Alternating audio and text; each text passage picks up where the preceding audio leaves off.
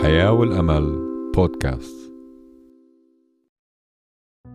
أهلا وسهلا أحبائنا المستمعين مرة تانية في برنامج الحياة والأمل. منرحب بكل مستمعينا أينما كنتم من كل أنحاء العالم.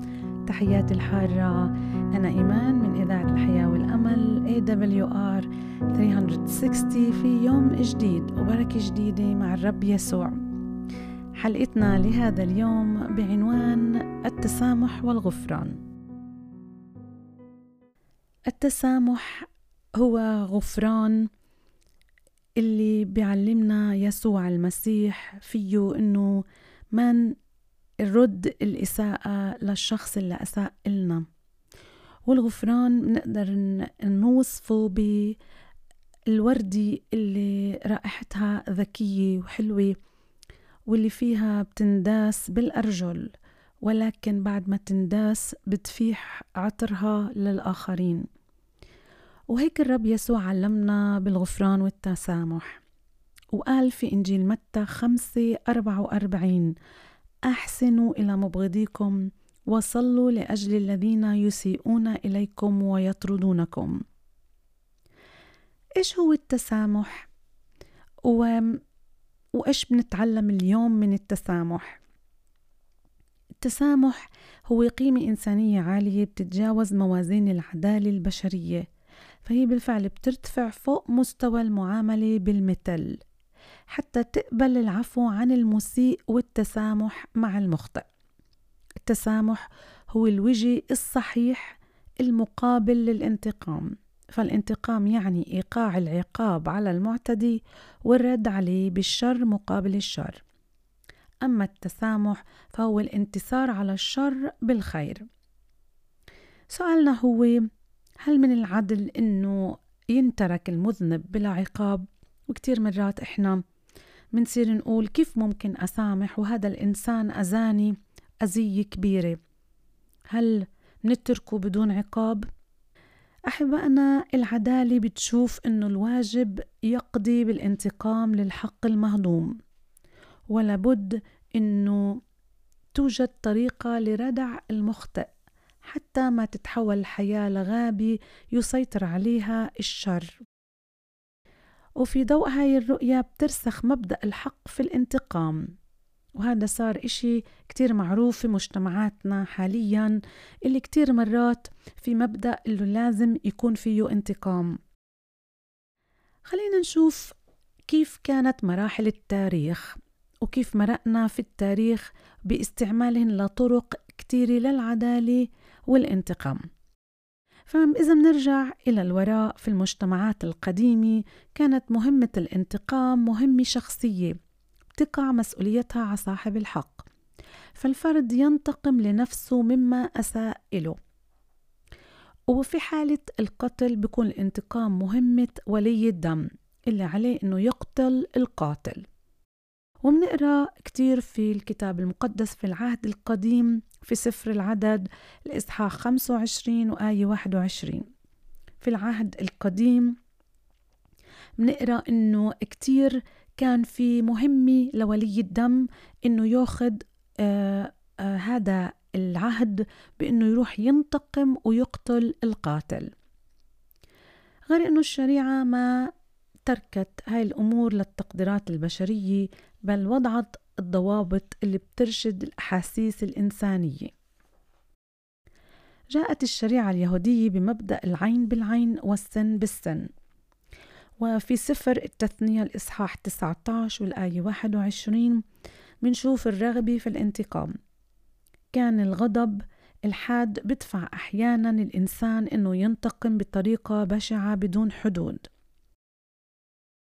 حيث يثير الرغبة في اقتلاع العينين مقابل العين الواحدة أو تحطيم الأسنان جميعها مقابل السن الواحد. وبمزيد من التطور الحضاري قبلت المجتمعات الكثيرة فكرة, فكرة عفوا التعويض كبديل للحقوق المسلوبة. أرسلت المجالس العرفية قواعد الأحكام الملزمة داخل المجتمعات القبلية واللي استطاعت إنها توقف الدماء وترسي بقواعد الصلح بين المتخاصمين. ومع ظهور القوانين الحديثة بالدول وضعت القوانين المختلفة وتأسست المحاكم المدنية ذات الدرجات المختلفة فتحققت العدالة في شكلها المادي واللي قد يهدئ النفوس. واليوم بنشوفها في كل الدول المتحضرة بكل قانون اللي فيه بالفعل بتنص قوانين اللي فيها بتكون آه معطي هذا الإنسان اللي أخطأ بحق الآخر بأي جريمة بأنه يكون له عقاب. المسامحة والغفران. قضية المسامحة والغفران إشي تاني وإلها فلسفة بتختلف تماما عن فلسفة العقاب لتحقيق العدالة. فبالرغم من أنه العقاب للمسيء عن طريق المحاكم بتضل الرغبة في الانتقام ساكنة في قلب الإنسان اللي لم يغفر. وكان لازم يكون في عمل روحي تاني حتى تنطفئ نور النقبة. وهذا العمل الروحي هو تربية الضمير وتدريب القلب على الغفران. فالغفران أحبائنا هو شيء الإنسان بيختاره. وهو بيقول أنا بدي أغفر لهذا الشخص. بغض النظر عن إيش عمل وإيش ساوى. أكيد زي ما قلنا العدالة لازم تاخذ مجراها في عقاب الإنسان لشت لشتى أمور كثيرة قد صنعها ضدك أو ضدك. ولكن الغفران هو شيء من الإنسان نفسه من الشخص نفسه. مني أنا وإنتي. ومرات كتير بنقول صعب أغفر. كتير صعب. اللي إشي اللي سوالي إياه أساء إلي كثيرا وأذاني فيه كثيرا. ولكن اليوم عنا أخبار حلوة في برنامج آه الحياة والأمل اللي فيه رح يعطيك أمل في هاي الحياة. إنك تبلش تغفر. واللي رح يساعدك هو يسوع المسيح ما غيره لأنه هو الوحيد اللي قدر يغفر لك على الصليب. واليوم رح نتعلم من الكتاب المقدس ونكون مثل المسيح اللي غفر لكثيرين. إيه نتعلم نغفر كمان إحنا لناس كثيرة في حياتنا. الكتاب المقدس بحكي لنا عن المسامحة والغفران. وزي ما حكينا قبل الفاصل الشريعة علمت كتير وكتبت عن الغفران. عرفت الشريعة منذ البدء أنه مشاعر البغض والكراهية والحقد هي اللي بتولد الرغبة في الانتقام وبتحول دون الصفح عن المسيء. وقدمت الوصية في إطارها الصحيح فقالت في سفر اللويين الإصحاح 19 وآية 17 و 18 لا تبغض أخاك في قلبك ولا تنتقم ولا تحقد على أبناء شعبك بل تحب قريبك كنفسك. وفي العهد الجديد كله بقول إنه في مستوى أرقى للتعامل واللي فيه بنتعامل مع اللي أساء إلنا اللي بيقع على المؤمن هو اللجوء للقضاء الإلهي. المؤمن لا يشتم إذا شتم ولا يهدد إذا تألم بل يسلم لمن يقضي بعدل.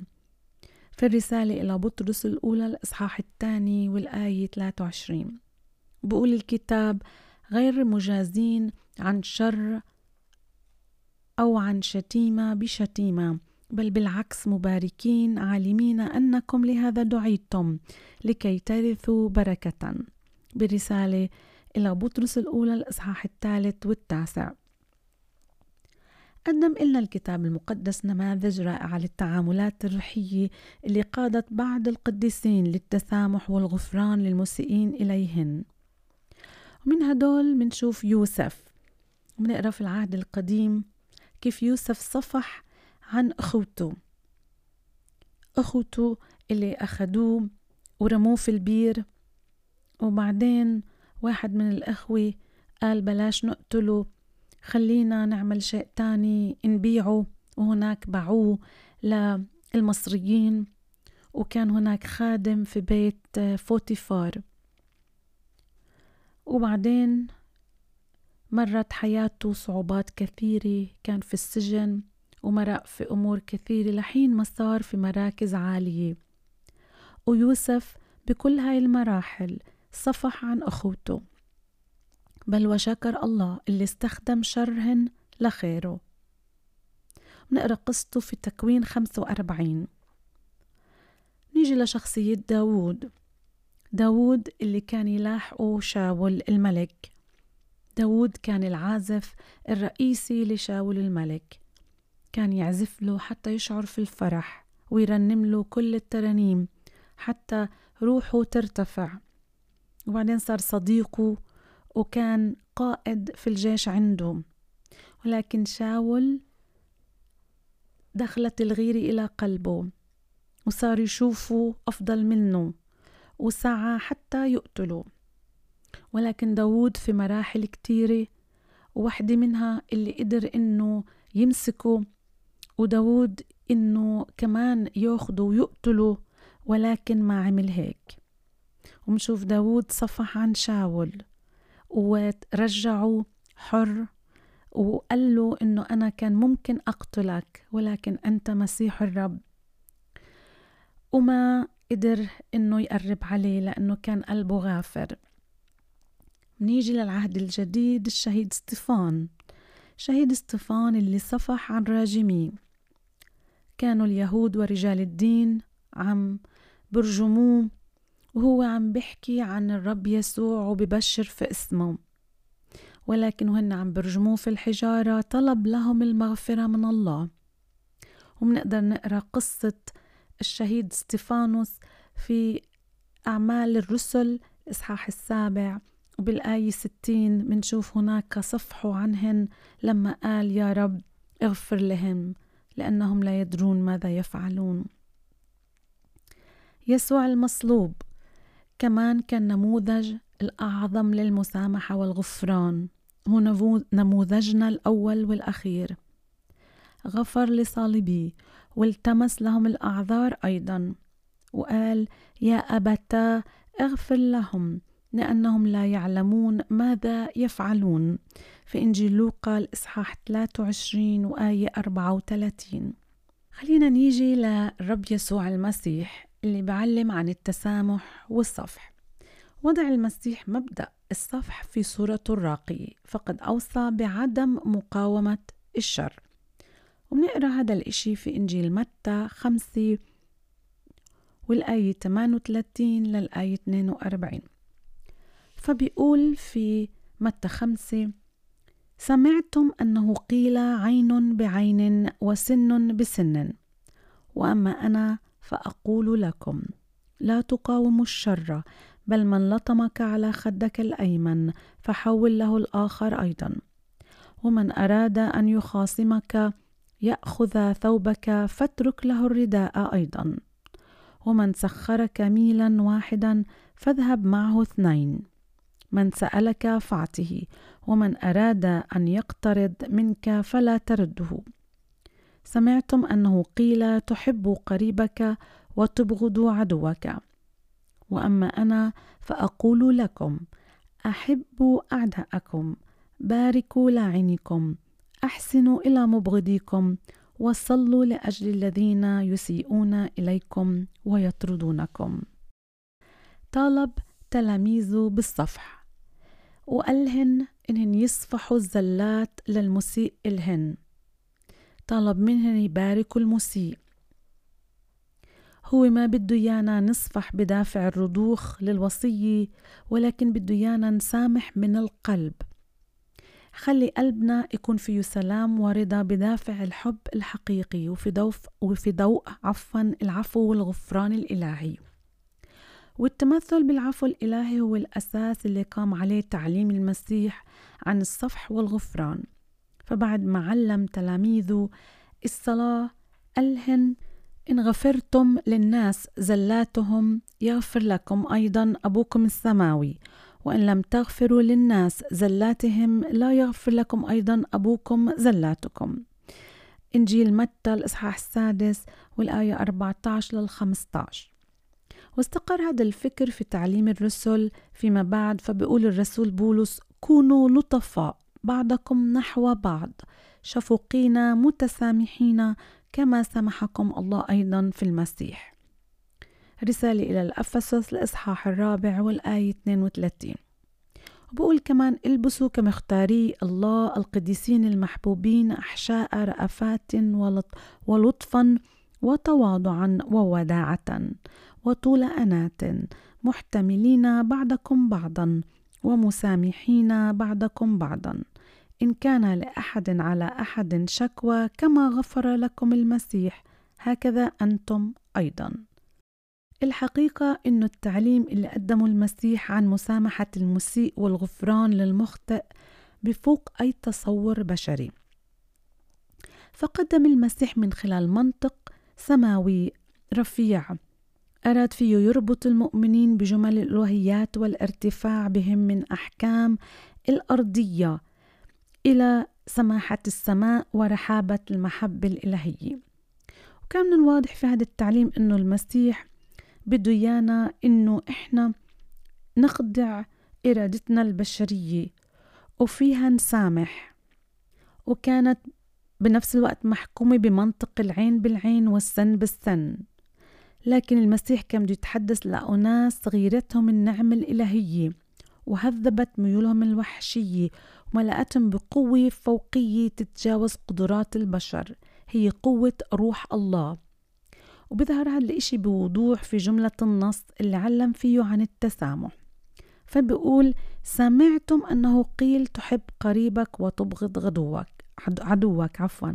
وأما أنا فأقول لكم أحبوا أعداءكم. باركوا لاعنيكم. أحسنوا إلى مبغضيكم. وصلوا لأجل الذين يسيئون إليكم. ويطردونكم لكي تكونوا أبناء أبيكم في السماوات. فإنه يشرق شمسه على الأشرار والصالحين ويمطر على الأبرار والظالمين. لأنه إن أحببتم الذين يحبونكم فأي أجر لكم؟ أليس العشارون أيضا يفعلون ذلك؟ وأن سلمتم على أخوتكم فقط فأي فضل تصنعون؟ أليس العشارون أيضا يفعلون هكذا؟ فكونوا أنتم كاملين كما أن أباكم الذي في السماوات هو كامل. في هذا النص بحول المسيح أنظار التلاميذ من منطق البشر اللي بيقوم على حساباتهم المادية إلى منطق المحبة الإلهية اللي بتقوم على الغفران والتسامح. وهي أسمى المشاعر والعفو والحب والتسامح بدلا عن مشاعر الحقد والغيظ والانتقام. فرب يسوع دعاهم للتسامح. وما كان يكلفهم بأي طاقة منهن ولكن بده إياهن إنه هني يقوموا بقوة الروح القدس. علمهم التسامح استناد على القوة اللي بمنحها هو. فكان يعلمهم أنه سينالون قوة متى حل الروح القدس عليهم وسيقدرون على الغفران. لا بطبيعتهم البشرية ولكن بقوة الله اللي فيهن. والرب يسوع أعطى مثل وأعطى هذا المثل في إنجيل متى اللي بعلمنا فيه عن التسامح والغفران. وهذا المثل آه، أتى فيه آه، بالأول بسؤال واحد من تلاميذه اللي كان بطرس واللي بنقدر نقرأ هذا المثل بإنجيل متى الإصحاح 18 والآية 21 ل 35 حينئذ تقدم إليه بطرس وقال يا رب كم مرة يخطئ إلي أخي وأنا أغفر له؟ هل إلى سبع مرات قال له يسوع لا أقول لك إلى سبع مرات بل إلى سبعين مرة سبع مرات. لذلك يشبه ملكوت السماوات إنسانا ملكا أراد أن يحاسب عبيده. فلما ابتدأ في المحاسبة قدم إليه واحد مديون بعشرة آلاف وزنة وإذ لم يكن له ما يوفي أمر سيده أن يباع هو وامرأته وأولاده وكل ما له ويوفي الدين. فخر العبد وسجد له قائلا يا سيد تمهل علي؟ فأوفيك الجميع. فتحنن سيد ذلك العبد وأطلقه وترك له الدين.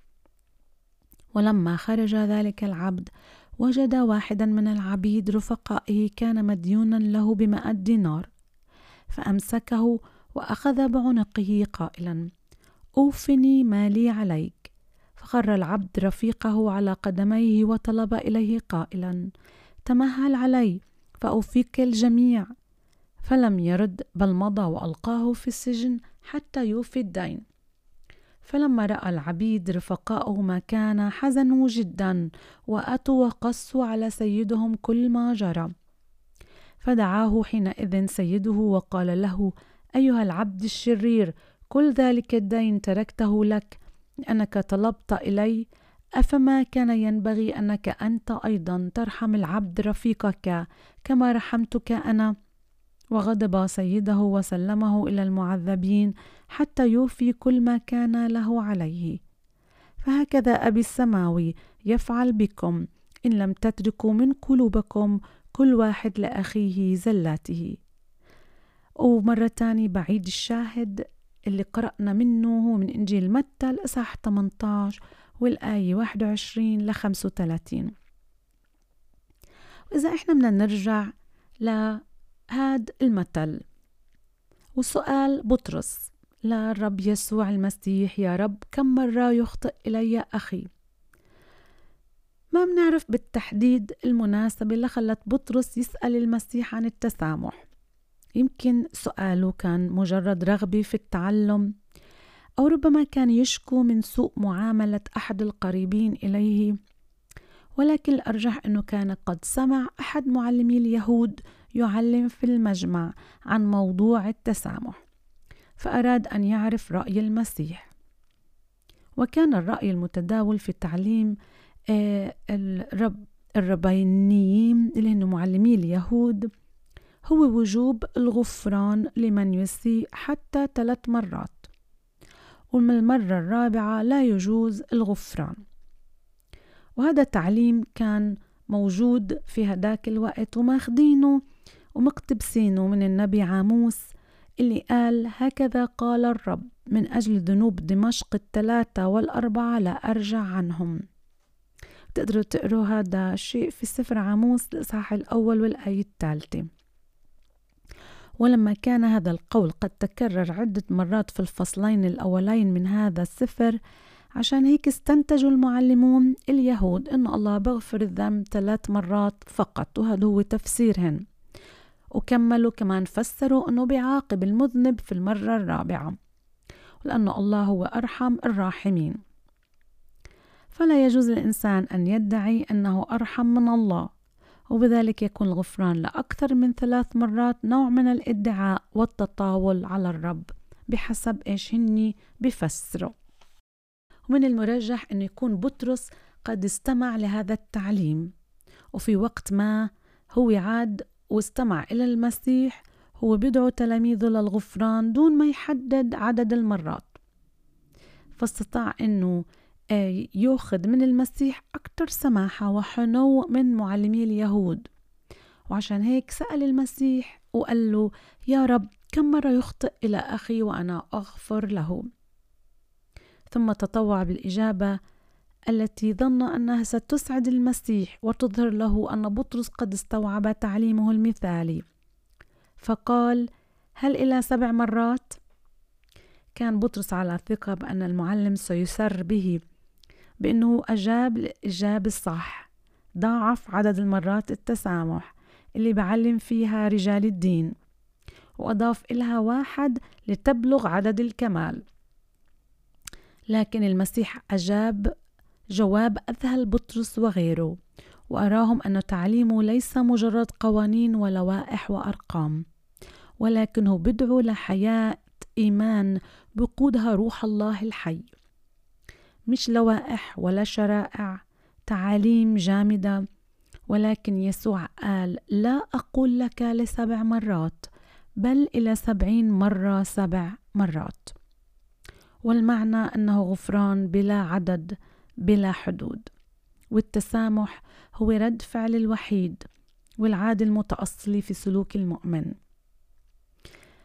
والكل كان قاعد مندهش لجواب المسيح فالمسيح أجا ورفع عيني إلى السماء وهناك تحدث للناس اللي حواليه وأيضا لبطرس وللتلاميذ.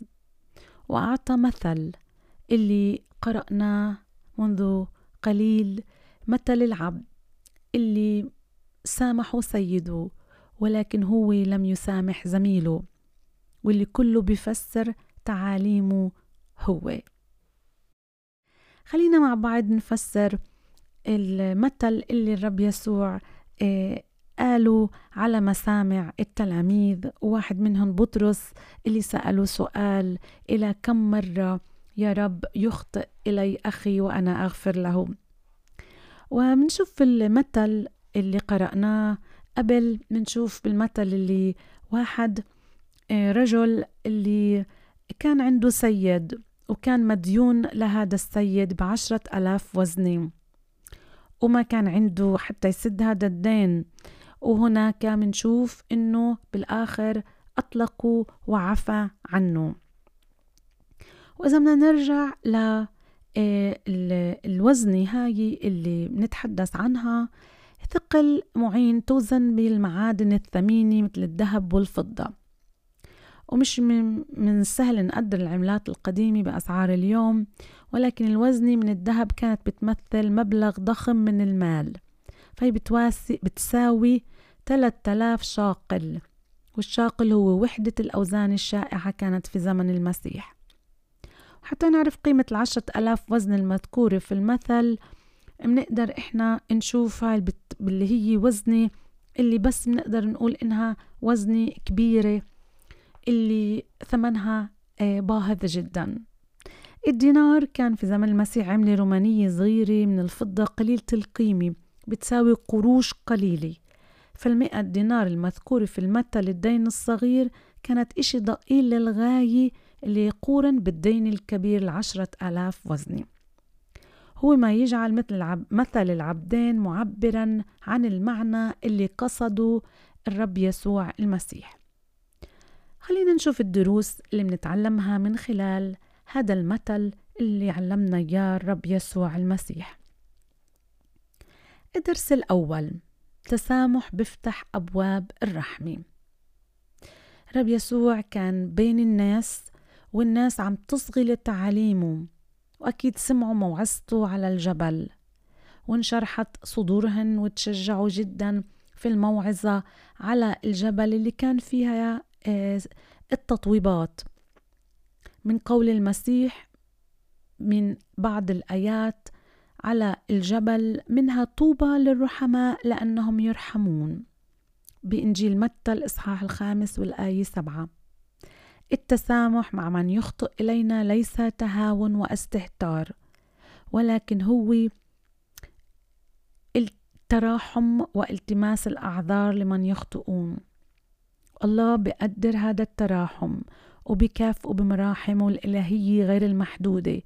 بيفتح لنا أبواب الرحمة وبمنحنا نعمة في عيون من نخطئ نحن إليهم. فالرحماء يرحمون. عفوا المفروض تكوني فالرحماء يرحمون لأنه إحنا بالفعل إذا إحنا آه، رحماء إحنا منرحم الآخرين. كتير مرات بيسيء لنا ناس ومنحس شيء كبير. ومنبلش ندينهن ومننسى إنه إحنا ممكن كمان نسيء إلهن. أو ممكن إحنا كمان أسأنا للآخرين مثل ما أساءوا هن إلنا. وإنه إحنا نغفر لهن ونسامحهن إحنا نرحمهن. ومنلمس الأعذار إلهن. ممكن كان تعبان يمكن مديون ما عنده ما عنده آه، آه، مال يطعمي أولاده. يمكن بهذا اليوم هو كان آه، شيء مضايقه. ما بعرف ولكن الالتماس الأعذار شيء هو من نوع من الرحمة. ما بنعني إنه إحنا عم نغطي على الخطية اللي سواها أو الأذية اللي سواها ولكن إحنا بنرحمه لأنه الله بده إيانا إنه إحنا نكون رحماء. الدرس الثاني عدم التسامح هو قسوة وكبرياء لا مبرر لهما. كتير ما بترجع صعوبة التسامح على إحساننا بقسوة الإساءة اللي تعرضنا إلها. ومنصير نقارن هاي الإساءة كبيرة هاي الإساءة صغيرة. هناك ما بغذي هذا الإحساس أكتر من كبريائنا.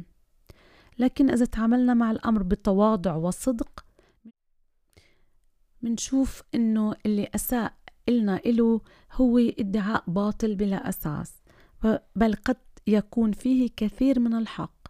لكن كبريائنا تجسم تجسم الإساءة وبتضخمها فمنحنق ومننتقم. وليت الله يمنحنا روح التواضع فنغفر ونصفح ونشكر. يعني كتير من المرات بننسى إنه إحنا كمان أسأنا لهذا الشخص زي ما قلت لاحقا. إحنا بننسى إنه يمكن أسأنا لآخرين كمان بنفس القيمة. وبس منتذكر هذا الإنسان اللي أساء لنا ومنكبر ومنضخم الخطية بالإساءة اللي سواها ضدنا. وهذا هو الدرس الثاني عدم التسامح قسوة وكبرياء لا مبرر لهما. أما الدرس الثالث لازم نغفر إحنا حتى ننال الغفران. وهذا الدرس بتوافق مع روح الكتاب كله. هو الهدف من وراء هذا المثل. فقد ذكر المسيح هذا المثل ليكون إضافة توضيحية لإجابته على سؤال بطرس عن الغفران للآخرين. وكان المسيح قد أكد هذا المضمون في تعليم سابق حين قال للتلاميذ فإنكم إن غفرتم للناس زلاتهم يغفر لكم أيضا أبوكم السماوي. في إنجيل متى الإصحاح 6 وآية 14 فلكي ننال الغفران ينبغي أن نغفر. وهذا الدرس الثالث. أما الدرس الرابع فهو لازم نسامح لأنه إن ما سمحنا بحرمنا من رحمة الله.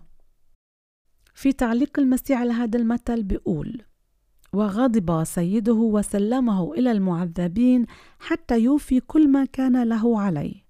فهكذا أبي السماوي يفعل بكم إن لم تتركوا من قلوبكم كل واحد لأخيه زلاته. عدم التسامح والغفران بحرم عفوا بحرمنا من رحمة الله. وفي ذلك يقول الرسول يعقوب لأن الحكم بلا رحمة لمن لم يعمل الرحمة. رسالة يعقوب إصحاح الثاني والآية 13 إذا رحمة الله نخسرها إذا إحنا ما تسامحنا مع الآخرين. والدرس الخامس إقرارنا بأننا مذنبون يجعلنا نغفر للمذنبين إلينا. لو أنه العبد اللي لما لم يسامح كان قد تذكر ديونه لما أبدى قساوة شديدة على غيره. وهيك مهم إنه نقر بذنبنا. إحنا ونتذكر شو عملنا وكيف ناس غفروا لنا. حتى نقدر نغفر. فمن يجرب الألم ينبغي أن يحس بالمتألمين. ومن يجرب الحاجة يجب أن يحس بالمحتاجين. ومن يجرب المرض لابد أن يشفق على المرضى. ونحن حين نغفر أخطاء الآخرين وإساءاتهم إلينا فإننا نؤكد اعترافنا بأخطائنا وضعفاتنا وسقطاتنا. ونتذكر اللي غفرنا على الصليب يسوع المسيح. فبيكون الغفران لذنوب الغير إقرار بخطايانا وذنوبنا الشخصية وهذا الاعتراف يمنحنا إشفاقا على من سقطوا مثلنا. وهذا هو الدرس الخامس. أما الدرس السادس فهو إنه لازم إحنا إحساننا بعظمة الغفران الإلهي يجعلنا نستهين بأخطاء الآخرين في حقنا.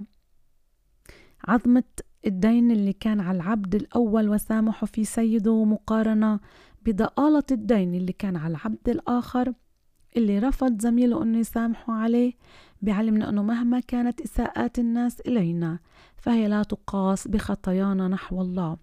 ما دام الله قد غفر هذا الكثير فكيف لا نغفر نحن القليل؟ إذن أحبائنا في نهاية حلقتنا الغفران هو غفران وسماح من الله اولا لكل خطيه سويناها. وإذا تأملنا في غفرانه لله رغم فداحة جرمنا بجعلنا نستهين بخطايا الآخرين من نحونا. خلينا اليوم نقول له يا رب أنا لحالي ما بقدر أغفر. قلبي مليان خطايا.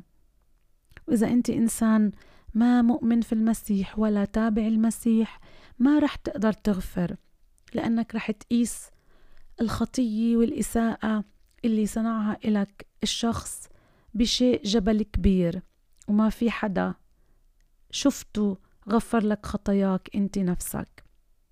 ولكن بأمانك بالمسيح رح تختبر الخلاص الكامل رح تختبر المسيح اللي غفر لك كل خطاياك. منذ ولادتك حتى الآن بخطايا كثيرة لا تعد ولا تحصى. على الصليب هو أخذها وقال أنا أخذتها عني وعنك. تذكر أنه المسيح مات لأجلك وهو بلا خطية. ولما أنت بتآمن فيه بتقول له يا رب اغفر لي هو رح يغفر لك خطاياك. آمن فتخلص بقول الكتاب المقدس. إن آمنت رح يخلصك من الخطية. ولا دينوني عليك بعد لأنه أنت الغفران تم على الصليب. وإذا تبعته روح الله رح يسكن فيك ورح تكمل معه وروح الله رح يساعدك تصير تغفر للآخرين لأنه السيد يسوع غفر لك بالكثير. وإنت رح تصير تقدر تغفر للناس في الإساءات الصغيرة اللي تعد صغيرة نسبة لعمل المسيح لغفرانه إلك. تعلم وصلي وإقبل المسيح يسوع رب ومخلص لأجلك. أمين. وصلنا لنهاية حلقتنا لبرنامج الحياة والأمل. كانت معكم إيمان وراء الميكروفون. بشكر حسن استماعكم متابعتكم معنا. وبنرجع كمان مرة بنذكركم أنه يمكنكم التواصل معنا في أي وقت بكل سؤال وأي استفسار أو كمان إذا كنتوا بحاجة للصلاة وللحصول على الكتاب المقدس تقدروا تكتبوا لنا عبر بريدنا الإلكتروني hope at awr.org وكمان تقدروا تكتبوا لنا عبر رسائل الواتساب على رقم زائد واحد تنين أربعة صفر تسعة صفر صفر تسعة تسعة ثلاثة تسعة. نلتقي في حلقة جديدة من برنامج الحياة والأمل. وسلام الله الذي يفوق كل عقل يحفظ قلوبكم وأفكاركم بالمسيح يسوع. نترككم برعاية الله ومحبته وإلى اللقاء.